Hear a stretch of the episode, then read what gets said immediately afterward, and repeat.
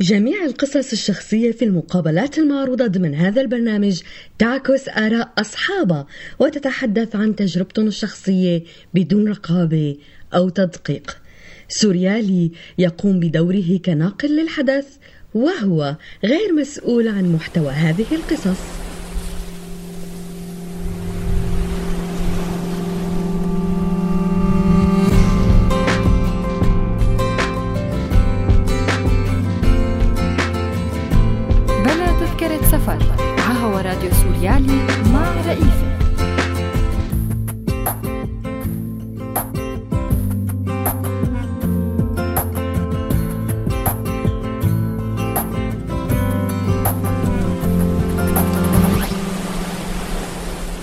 بحلقة اليوم من بلا تذكرة سفر.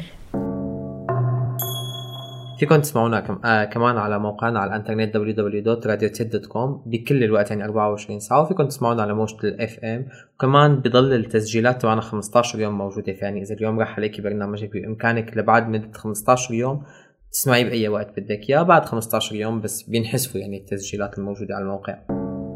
بناقش كل الأخبار السياسية الاجتماعية الفنية كمان وبنحكي كمان هيك شيء عن توب فايف يعني هيك أهم الشغلات أهم خمس شغلات بكل حلقة بنحكي عن موضوع جديد. حاليا كان لي شهرين مبلش عن جديد وقفت لأنه خليني أقول أنا كان عندي حظ شوي بهالشهرين يمكن علاقات أو حظ ما بعرف.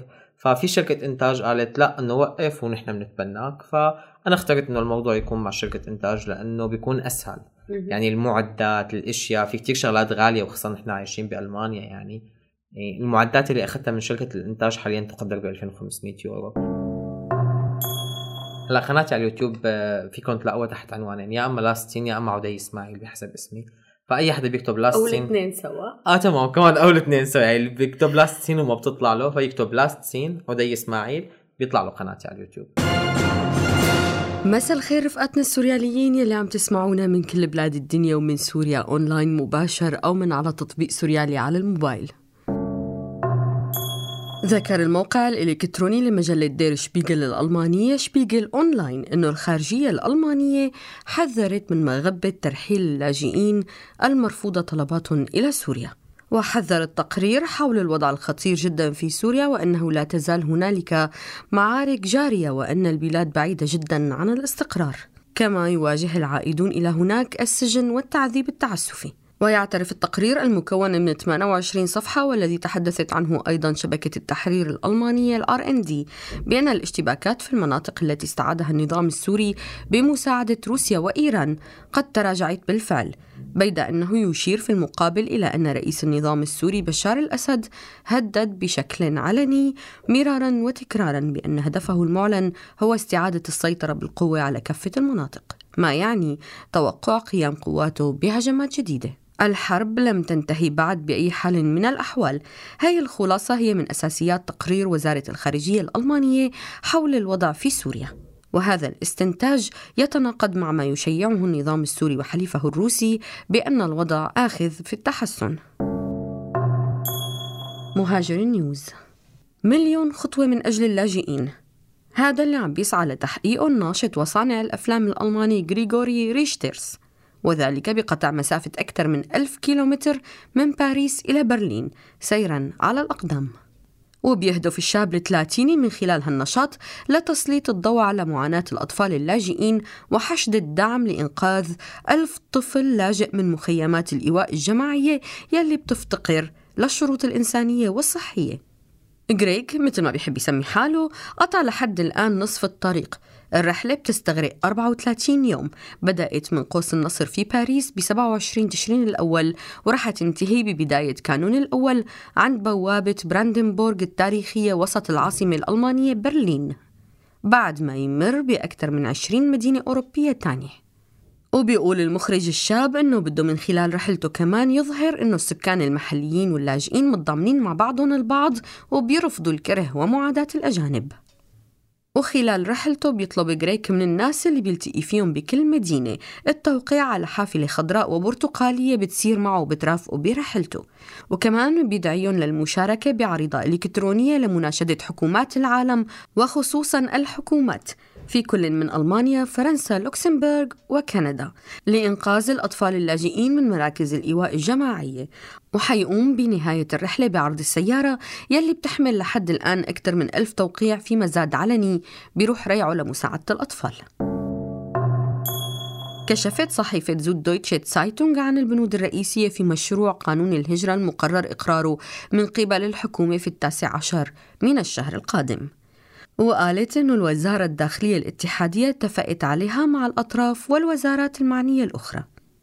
ووفقا للصحيفة فإن مسودة مشروع القانون تنص على السماح لأي شخص بالعمل في ألمانيا بشرط أن تكون لديه مؤهلات معترف بها وعقد عمل في البلاد. إلغاء ما يتم العمل به حتى الآن من إعطاء الأولوية للمواطنين الألمان أو مواطني الدول الأوروبية في الحصول على فرص العمل. واللي كان بيتم إلغاءه فقط في مجالات العمل يلي بتعاني نقص حاد في الأيدي العاملة في البلاد. إن من قام بالتدريب المهني سيسمح له بالسفر إلى ألمانيا لمدة محددة من أجل البحث عن عمل. وهي القاعدة ستتم تجربتها في البداية لمدة خمسة سنوات مع إمكانية تمديد حق الإقامة للأشخاص اللي بيقوموا بالاستمرار في تأهيل أنفسهم مهنياً. كما تنص مسودة مشروع القانون على أنه سيتم في المستقبل تطبيق معايير موحدة لما يسمى بقاعدة 3 زائد 2 والتي تنص على عدم ترحيل المتدربين خلال فترة التدريب المهني اللي بتبلغ بالعادة ثلاث سنوات بالإضافة إلى عامين آخرين من أجل العمل في البلاد. ويقدم مشروع القانون وفقا للصحيفة معايير واضحة لوضع موثوق به للحاصلين على تصاريح إقامة مؤقتة لوقف الترحيل الدولدونغ. والذين يعملون ويؤمنون سبل عيشهم بأنفسهم والمندمجين بشكل جيد حيث يمنحهم إمكانية العمل لمدة عامين. بشرط أن يكون الحاصل على هذا النوع من الإقامة عم بيشتغل من سنة ونص لمدة 35 ساعة في الأسبوع على الأقل وبيدفع تأميناته الاجتماعية. قالت منظمة الأمم المتحدة للتربية والعلم والثقافة اليونسكو في تقرير السنوي للتعليم أن ألمانيا بحاجة لتحسين نظام تعليم الأطفال اللاجئين في المدارس. وأصدرت اليونسكو التقرير العالمي لرصد التعليم لعام 2019 المعني بمسائل الهجرة والنزوح والتعليم. وأشاد التقرير بالإجراءات اللي اتخذتها ألمانيا من أجل اندماج اللاجئين فيها ومنها تخصيص 800 مليون يورو لتعليم الأطفال اللاجئين اللغة في المدارس بين عامي 2016 وال 2020 بالإضافة إلى قانون الاعتراف بالمؤهلات الأجنبية في عام 2012 لتسهيل دخول اللاجئين في سوق العمل.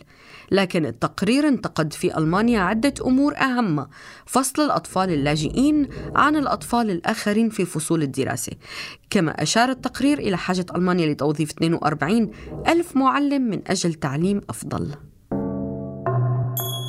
تربع موقع يوتيوب حاليا على عرش محركات البحث الخاصة بالفيديو إذ يزور الموقع نحو مليار متصفح شهريا بحسب إحصاءات الموقع. ومن انطلاقته عام 2005 انتشر الموقع بسرعة فائقة وأصبح من أهم وسائل التواصل ونشر وتبادل المعلومات وبيتم عليه تحميل 100 ساعة من الفيديو كل دقيقة. عدي إسماعيل هو شاب سوري لاجئ عنده تجربة بالعمل الإذاعي في سوريا وألمانيا وابتدى هلأ يطرق باب اليوتيوب ليدخل عالمه. ليه؟ وكيف؟ كل التفاصيل سألنا عليها لما التقينا بمدينة كمنتس الألمانية ضمن اجتماعات الراديوهات الحرة السنوي. تعالوا نسمع اللقاء سوا. مساء الخير عدي. مساء النور أهلا وسهلا. عدي بكمنتس التقينا. فشو عم تعمل هون اليوم؟ اليوم في اجتماع للراديوهات الحرة بألمانيا فنحن كممثلين على راديو Z اللي هو بنورنبرغ اجينا لحتى نشارك بهذا الاجتماع. أه شو عم بتقدموا بنورنبرغ؟ هلا نحن عندنا برنامج خلينا نقول هو انت آه عندنا راديو هو international radio. فيه برامج فيه برنامج جديد عربيا فيه برامج من مختلف البلاد ومختلف اللغات اللي بالعالم. يعني ببساطة أي شيء أو أي لغة بدك إياها ممكن تلاقيها بهذا الراديو.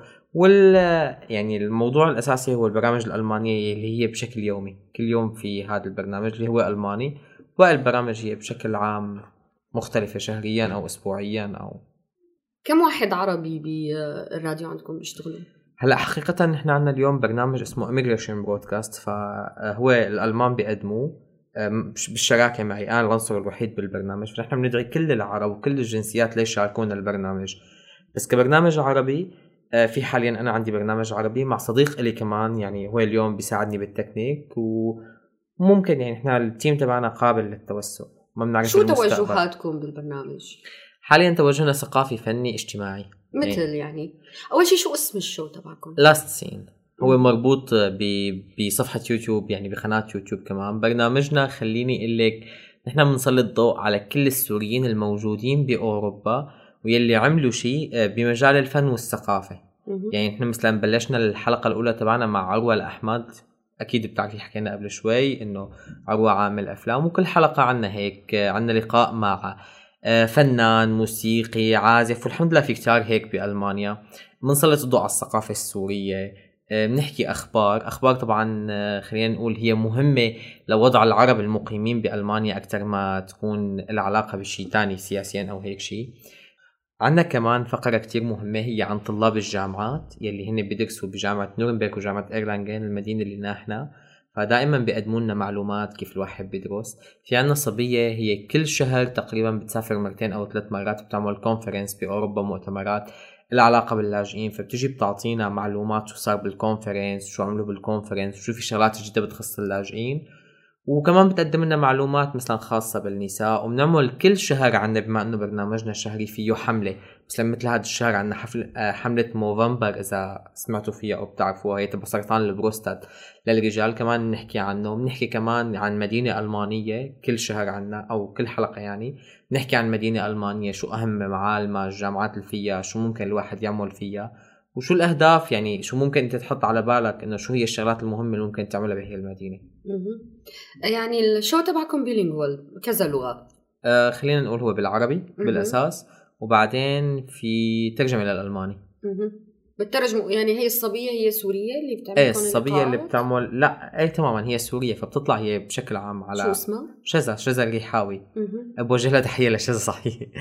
آه إيه أنا بس خلص بترجم للألماني بحكي خليني أقول ألمانيتي جيدة ما حقول قوية. فبترجم كل شيء صار طبعا هذا كله بيتسجل قبل بوقت بترجم كل شيء صار للألماني. شو مساحة الحريات عندكم بالراديو؟ يعني مثل الراديوات عندنا بسوريا في عندك شيء مسمح لك تحكي وفي شيء لا ولا هون باعتبارهم في حرية فأنت فيك تحكي كل شيء بيخطر على بالك بالراديو؟ هلأ طبيعي مجال الحرية أعلى بكتير يعني إذا بدي قارن بسوريا مجال الحرية أعلى بكتير على جميع الأصعدة فنيا ثقافيا اجتماعيا سياسيا. بس خليني أقول نحن برنامج بما أنه توجهه واضح آه، فن ثقافة مجتمع فسقف حريتنا مفتوح الحمد لله. يعني ما في شيء ممكن يكون في ضوابط إلا بقى إنه نحن لازم نكون بعاد عن الحكي بالجنسية القومية الوطنية وبعاد عن النقاش في مواضيع ما تخص السامية. لأنه هلا أكيد نحن ضد القتل ضد العنف من أي طرف كان. بس يعني لازم ما نتناقش بهالموضوع لأنه هي مواضيع جدلية بالمجمل بين العرب والألمان فدائما بنحاول نكون بعاد عنها.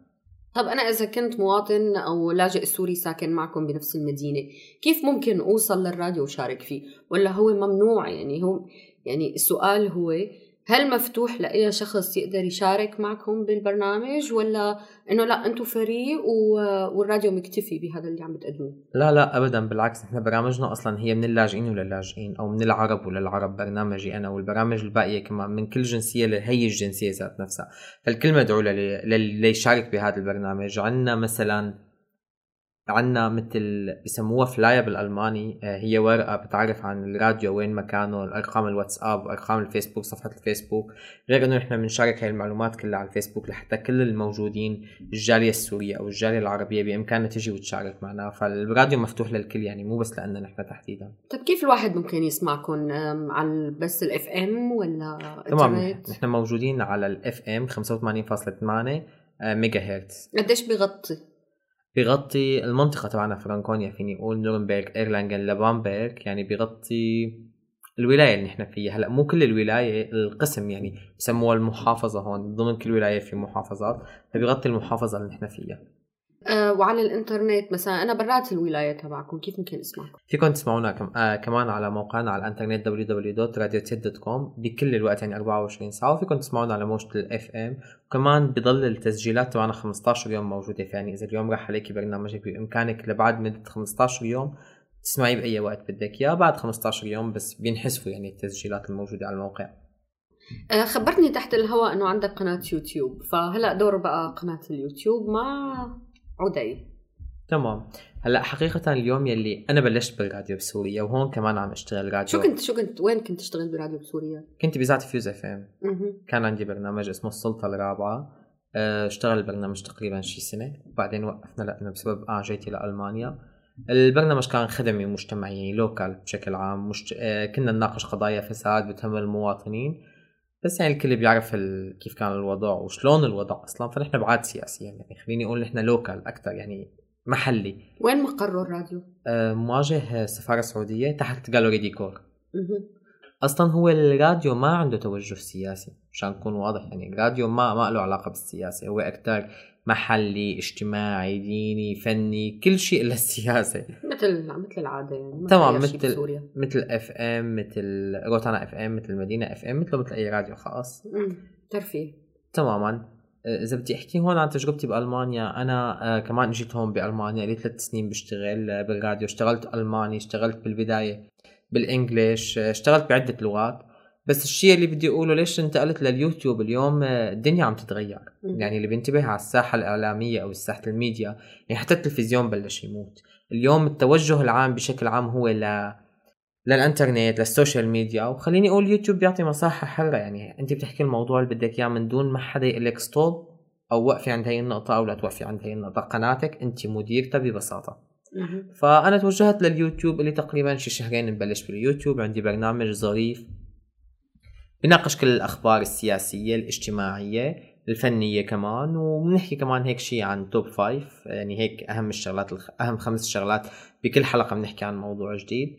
حاليا كان لي شهرين مبلش عن جديد وقفت لأنه خليني أقول أنا كان عندي حظ شوي بهالشهرين. يمكن علاقات أو حظ ما بعرف.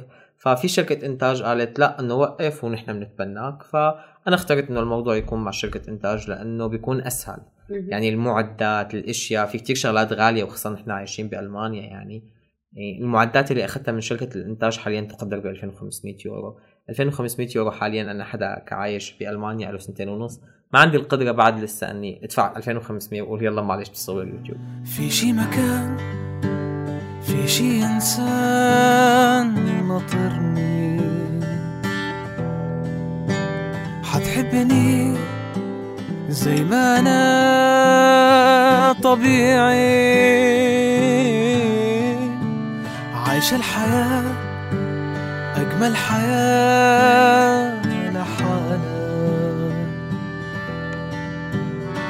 إذا في إلا نصيب حنتلاقى في شي مكان في شي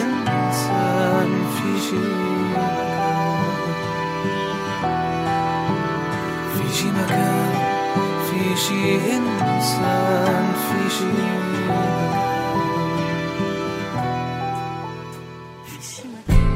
مكان هوا راديو سوريالي ببرنامج بلا تذكرة سفر. معي أنا رئيف رجعنا لكم أصدقائنا لنتابع لقائنا مع عدي إسماعيل ويخبرنا عن تجربته بالعمل في مجال الإعلام بين سوريا وألمانيا. وشو ناوي يعمل باليوتيوب. هدفك من إقامة هذا البرنامج اللي على اليوتيوب؟ يعني دائما أنت في شريحة مستهدفة فمين شريحتك المستهدفة وشو هدفك من الفقرات اللي عم تقدمها؟ هلأ إذا بدي أقول شريحتي المستهدفة خليني أقول شريحة الشباب. آه نحن الشريحة خل... خليني أقول العربيه عندنا ضياع بشكل عام ضياع بالهوية حاليا بعد العولمة اللي صارت في ضياع هوية واضح. نحن ما عاد إلنا هوية. فخليني أقول برنامجي له علاقة شوي بحتى نلاقي هوية لحالنا. وغير إنه نلاقي هوية لحالنا ل بالفترة الأخيرة فيني أقول إنه في كره كتير. في كره كتير مش بس بسوريا ومش بس بالحرب. يعني اللي بيفتح أي صفحة كان فنية إعلامية ثقافية أي شيء على الفيسبوك بشوف كمية الكره اللي بتطلع من العالم. الحب ما عاد موجود. فخليني أقول أنا حتى نقاشي للمواضيع بيكون بحب. يعني لليوم أنا اللي بيفتح صفحتي على اليوتيوب ما بشوف في كره باي موضوع بطرحه. فأنا هذا اتجاهي نشر خلينا نقول الحب التفاهم الوعي. وبناء ايدنتيتي آه، لحالنا شخصيتنا العربية نحافظ على حالنا يعني. حاليا العولمة بلعتنا ببساطة. عودي وقت قابلتني سألتني أنت شو هدفك لبعد خمس سنين؟ أول ما تشوفي حالك. فأنا هلأ بدي أعكس لك السؤال. هلأ بعد خمس سنين خمس سنين وين بشوف حالي العالم عم بيتغير والدنيا عم تتغير وكل يوم عم يطلع شغلات جديدة. بتمنى آه، بألمانيا صعب نحقق أحلامنا بس بتمنى أكون أخذت مساحتي الإعلامية يلي أنا بحلم فيها وبتمنى أكون صنعت فن يستحق الاحترام يليق فيني وببلدي وبأهلي يعني. وبتمنى هيك وحلم يعني بضل حلم. آه، وصل لهوليوود. بتمنى آه، أشتغل على هذا المجال وإنه أعمل فيه شيء يعني. مثل حالي مثل بلدي على الأقل. شو بتشوف بحالك شيء مختلف عن الشباب اللي عم بيقدموا آه، اليوتيوبرز يعني اللي موجودين هلا على الساحة؟ بشكل عام حاليا في تسطيح للثقافة العامة. الثقافة كتير سطحية. آه، ما ضل ما ضل في وعي. أغلب الناس اللي عم تطلع تقدم يوتيوب عم تطلع لحتى لحتى تضحك من دون ما يكون آه، من دون ما يكون في هدف. هيك يلا شو ما كان أي شيء سخيف بنطلع. في تسخيف وتسطيح لأي شيء فأنا بحس خليني أقول إنه عندي ثقافة مقنعة. آه، ما حقول إنه والله أنا الشاب المثقف المدري شو. لا الحمد لله عندي ثقافة كافية. لحتى أقدم آه، محتوى آه، ممكن أيام بضحك ممكن أيام بيسلي بس نفس الوقت في وراء ال background تبعه ثقافي. فهذا ممكن شيء بيخليني يكون مميز. وإنه إيه أنا فيني أعتبر حالي شوي مجنون. فأنا بحب هاي الصفة فيني فأنا شوي مجنون حتى وقت بطلع بحكي بالفيديوهات. وهذا الشيء أكيد العالم رح تشوفه بالفيديوهات الجاية.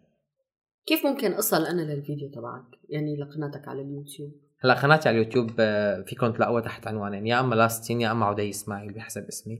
فأي حدا بيكتب لاستين أو الاثنين سوا. آه تمام. كمان أو الاثنين سوا. يعني اللي بيكتب لاستين وما بتطلع له فيكتب لاستين عدي إسماعيل بيطلع له قناتي على اليوتيوب. قديش في عندك subscribers لهلا؟ هلا من شوي صاروا 72 بعد بعد ما ضافني بسام. فصاروا 72 عندي تقريبا كمان بحدود ال 5000 مشاهدة على الفيديوهات اللي عاملهم طبعا سياسة اليوتيوب معروفة الواحد ما فيه يشير share. فحتى على الفيسبوك هلأ صار إذا بدك تشيري اليوتيوب تبعك آه، بيعملوا لك block الفيسبوك لأنه مو مسموح. هو بدك تدفعي لبداية يعني كبداية لازم تدفعي انت مصاري لحتى تنتشري. خليني أقول أنا بالفترة القادمة رح يكون في سياسة أخرى للتعامل. فأنا بشوف بعد فترة لأ الوضع كتير حيختلف. يعني ممكن بعد شي نص سنة إنه نوصل ل 5000 و 10000 subscribe. وهن بس أصلا بس قطعوا الألف بقى بصيروا كلهم بجوا ورا بعضهم. ما عاد بيحسوا بدر الواحد هلا صاروا 200000 300000 بس أنا جديدة هي يعني أول مرة بسمعها إنه الفيسبوك بيعمل لك block هلا حاليا هي السياسات المطروحة جديد لأنه أنا كبداية أول ما بلشت يوتيوب جربت إنه أنا أنشر على الفيسبوك يعني. فانه الفيسبوك بيسمح لك مرة أو مرتين أو ثلاث مرات يعني maximal تشيري ال link تبعك ب groupات. بعد ثلاث مرات فورا بيعمل block. آه أنت عم تشيرها على جروبات ما عم تشيرها على صفحتك أنت. طبعا لأنه هلأ صفحتي أنا مثلا اليوم أنا عندي 5000 لنفرض ولا هال 5000 اليوم لما بيشوفوا link ممكن بس 10 يفتحوا ال link. فأنت مضطرة اليوم لتشيري على جروبات سورية جروبات عربية جروبات السوريين بألمانيا لحتى العالم تشوف. إيه، فالفيسبوك اليوم ما عم يسمح يعني فورا حتى هلا الفيسبوك كمان في سياسة جديدة إنه هو ما بيعرض لك ال post تبعك للعالم. يعني العالم ما بتشوف ال post تبعك لأنه هو أصلا في دعاية لليوتيوب. وعلى ما يبدو إنه في contact بين فيسبوك ويوتيوب لحتى ما يصير هي الدعاية مشان هي يربحوا ماديا. مش بس اللي عم يطلع فيديوهات يحمل فيديوهات يربح ماديا. على هذا الأساس بتم إيقاف نشر الفيديوهات على الفيسبوك. بشغلك بالراديو أو بشغلك بقناتك على اليوتيوب هل الشريحة تبع المستمع أو المشاهد الألماني مستهدفة عندك؟ طبيعي إيه فعلا مستهدفة عنا لأنه نحن قبل ما وقف أنا مع الشاب اللي كنت عم أعمل معه كان في عنا ترين German يعني كان عنا في فقرة هي بالألماني. فنحن كنا نناقش مواضيع خصوصا الشغلة المجتمع الألماني الحزب ال AfD الكره للسامية وللاجئين وهالأشياء. فحكينا فيها حاليا وقفنا مثل ما أنا حكيت فبس بالمستقبل إيه أكيد في عنا part يعني حيكون بشكل أسبوعي هو بالألماني باللغة الألمانية لأنه نحن ما لنا مثقفين قد الألمان يوتيوبيا يعني فيسبوك وهي الثقافة اللي عندهم ثقافتهم أعلى من ثقافتنا. والدليل إنه اليوم أنت لما بتنشري فيديو أنا أكيد ما بيهمني المصاري قد ما بيهمني اقدم شيء بس لما بتنشري فيديو بيجي عليه مثلا خليني أقول مليون بألمانيا أو مليون مشاهدة من ألمانيا تاخدي ضعف أربع مرات المبلغ اللي بتاخديه لما هالرقم هذا بيكون بالعالم العربي. ليه؟ لأنه الثقافة ال- اليوتيوبية هون أعلى. اليوم العالم مثل ما قلت لك متجهة اليوم لتقدم إعلانات على اليوتيوب. فاليوتيوب سياسته إنه في إعلان طالع عنده من أي بلد فأنت بتاخدي على البلد الطالع بالإعلانات. يعني ببساطة الإعلانات اللي بتطلع هون بألمانيا مش مثل الإعلانات اللي بتطلع بسوريا على اليوتيوب أو بمصر. الإعلانات اللي بتطلع بألمانيا أغلبها مدفوع عليها مبالغ هائلة بينما مثلا معلن ألماني ما حيعلن بمصر غير مرة واحدة يمكن بالشهر بينما بألمانيا بيعلن يمكن 10 20 30 مرة باليوم. وهذا الشيء بيرفع لك من قيمة القناة بيرفع لك من قيمة الأرباح. فأكيد الجمهور الألماني بالنسبة لي مستهدف للتعريف. علينا نحن كعرب شو عم نعمل بألمانيا؟ شو ليش موجودين أصلا هون؟ وشو الشيء اللي بنعمله؟ وغير هيك بصراحة لمعاداة العنصرية الموجودة اليوم بمش... بالمجتمع الألماني وبكثرة وللربح المادي آخر شيء يعني. طب علمنا كيف أنت رح تقدر تجذب هذا المستمع الألماني أو المشاهد الألماني؟ وهل عندك خطة؟ شلون بدك أنت تجيبه لعندك؟ يمكن طريقة كتير غبية بس كتير حلوة وسهلة. آه، ببساطة الألمان بيحبوا الأجنبي اللي بيحكي الألماني المكسر. أنا ما بحكي ألماني بيرفكت وبستقصد بالفيديوهات اللي بعملها أحكي ألماني مكسر. غير هيك إنه دائما ناقش المواضيع اللي هي مهمة بالنسبة للمجتمع الألماني. وحاليا أصلا الشاغل المجتمع الألماني مشكلة الأجانب يعني نحن اليوم عنصر جذب لهم مشكلة الأجانب والسياسة المالية تبع أنجيلا ميركل. فالحكي عن هدول النقطتين بكفي. وغير هيك نحن فينا نعمل كمان شيء إنه يعني هي ضمن الخطة. فيديوهات مع الألمان يعني أنا جربت عملت بس هون الواحد بيلاقي مشكلة لينشر لأنه مو كل الألمان بيقبلوا إنه يكونوا موجودين باليوتيوب والفيسبوك. فعندي تقريبا شي أربع فيديوهات عاملهم آه مع ألمان يعني هيك كمشاريع شخصية. منهم اثنين كأفلام عملتهم أنا كتمثيل وك كإخراج. بس للأسف الأشخاص الموجودين بالأفلام ما وافقوا. سؤال أخير وبعدين بنختم وبنقول لك. شكرا كثير الفرق بين التعامل مع يعني كتيم وورك بين الإذاعات السورية وبين الإذاعات الألمانية شو لقيت؟ هلا إذا بدنا نحكي عن الفرق بين السوري والألماني نحن اليوم عم نشتغل مع الراديوهات الحرة بألمانيا. نحن ما عم نشتغل مع الإذاعات الخاصة. فإذا بدي قارن الراديوهات الحرة بالمانيا مقارنة بالراديوهات الموجودة بسوريا الفرق كتير عالي. بسوريا متطورين بمراحل أكثر الميديا بالعالم العربي سابقه الميديا الألمانية بأشواط. يعني آه، من حيث ال Technik من حيث الإعداد من حيث تقسيم المهام. اليوم بسوريا انت ببرنامج راديو موجود عندك المعد موجود المقدم موجود اللي بيعمل ال show موجود كل شيء. هون بألمانيا أنت ببساطة بدك تعملي كل شيء. فهذا النقطه تحسب لسوريا أو للعالم العربي على حساب الميديا الألمانية. بالميديا الألمانية خليني أقول آه، الحرية أعلى. بس من جهة ثانية يعني هي مشكلة مو بس نحن بنعاني منها حتى الألمان لأنه ألمانيا بلد صناعي أكثر ما يكون ثقافي وميديا وهالأشياء. هلأ أنا دائما بتفائل وبقول يمكن نحن نكون عنصر التغيير. وإن شاء الله نكون عنصر عنصر التغيير بس عن جد هو صعب. يعني صعب كثير نكون عنصر التغيير نحن. بس خلينا نحاول يعني. على الأقل يكفينا شرف المحاولة. صحيح أنا بدي أتمنى لك كل النجاح. بدي أتشكرك كتير على هالوقت اللي أعطيتنا إياه لنعمل اللقاء. ونحن بنرفع راسنا فيك مثلك مثل أي سوري عم ي- يطحن بن لينجح. وبنتمنى نلتقيك بالاجتماع الجاي للإذاعات وبنتمنى آه، نشوف هيك عندك مئة ألف مئتين ألف سبسكرايبر عندك على اليوتيوب وبنكون نحن منهم يعني. آه، في شيء تاني بتحب تقوله قبل ما نختم؟ أكيد بتشكركم كثير وبتمنى لكم التوفيق ببرنامجكم وإن شاء الله هيك يا رب ترفعوا راسنا يعني مثل ما أنتم مشتغلين ورافعين راسنا والله يوفقكم. وشكرا كثير على ال interview الحلوة أول مرة. برد بقول إنه هيك حدا بيعمل معي interview مو أنا اللي عم أعمل interview وشكرا كانت interview حلوة كثير معك. أهلا يا عدي وكل التوفيق لك. merci bye bye. أنتوا على هوا راديو سوريالي ببرنامج بلا تذكرة سفر. معي أنا رئيف بنهاية الحلقة بدي أشكر متابعتكم واستماعكم وأشكر زميلي عبد الكريم الحلبي على الإخراج. اسمعونا دائما على سوريالي dot net لأنه في بثنا المباشر. وزوروا صفحاتنا على مواقع التواصل الاجتماعي فيسبوك وتويتر وإنستغرام لتعرفوا عنا كل جديد. كنت معكم من وراء المايك رئيفة المصري. ضلوا بأمل وبألف خير.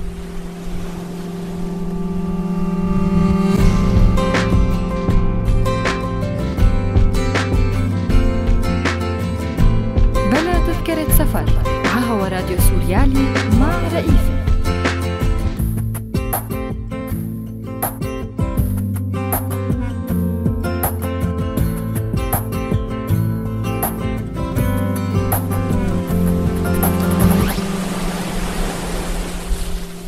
هذا البرنامج من إنتاج سوريالي 2018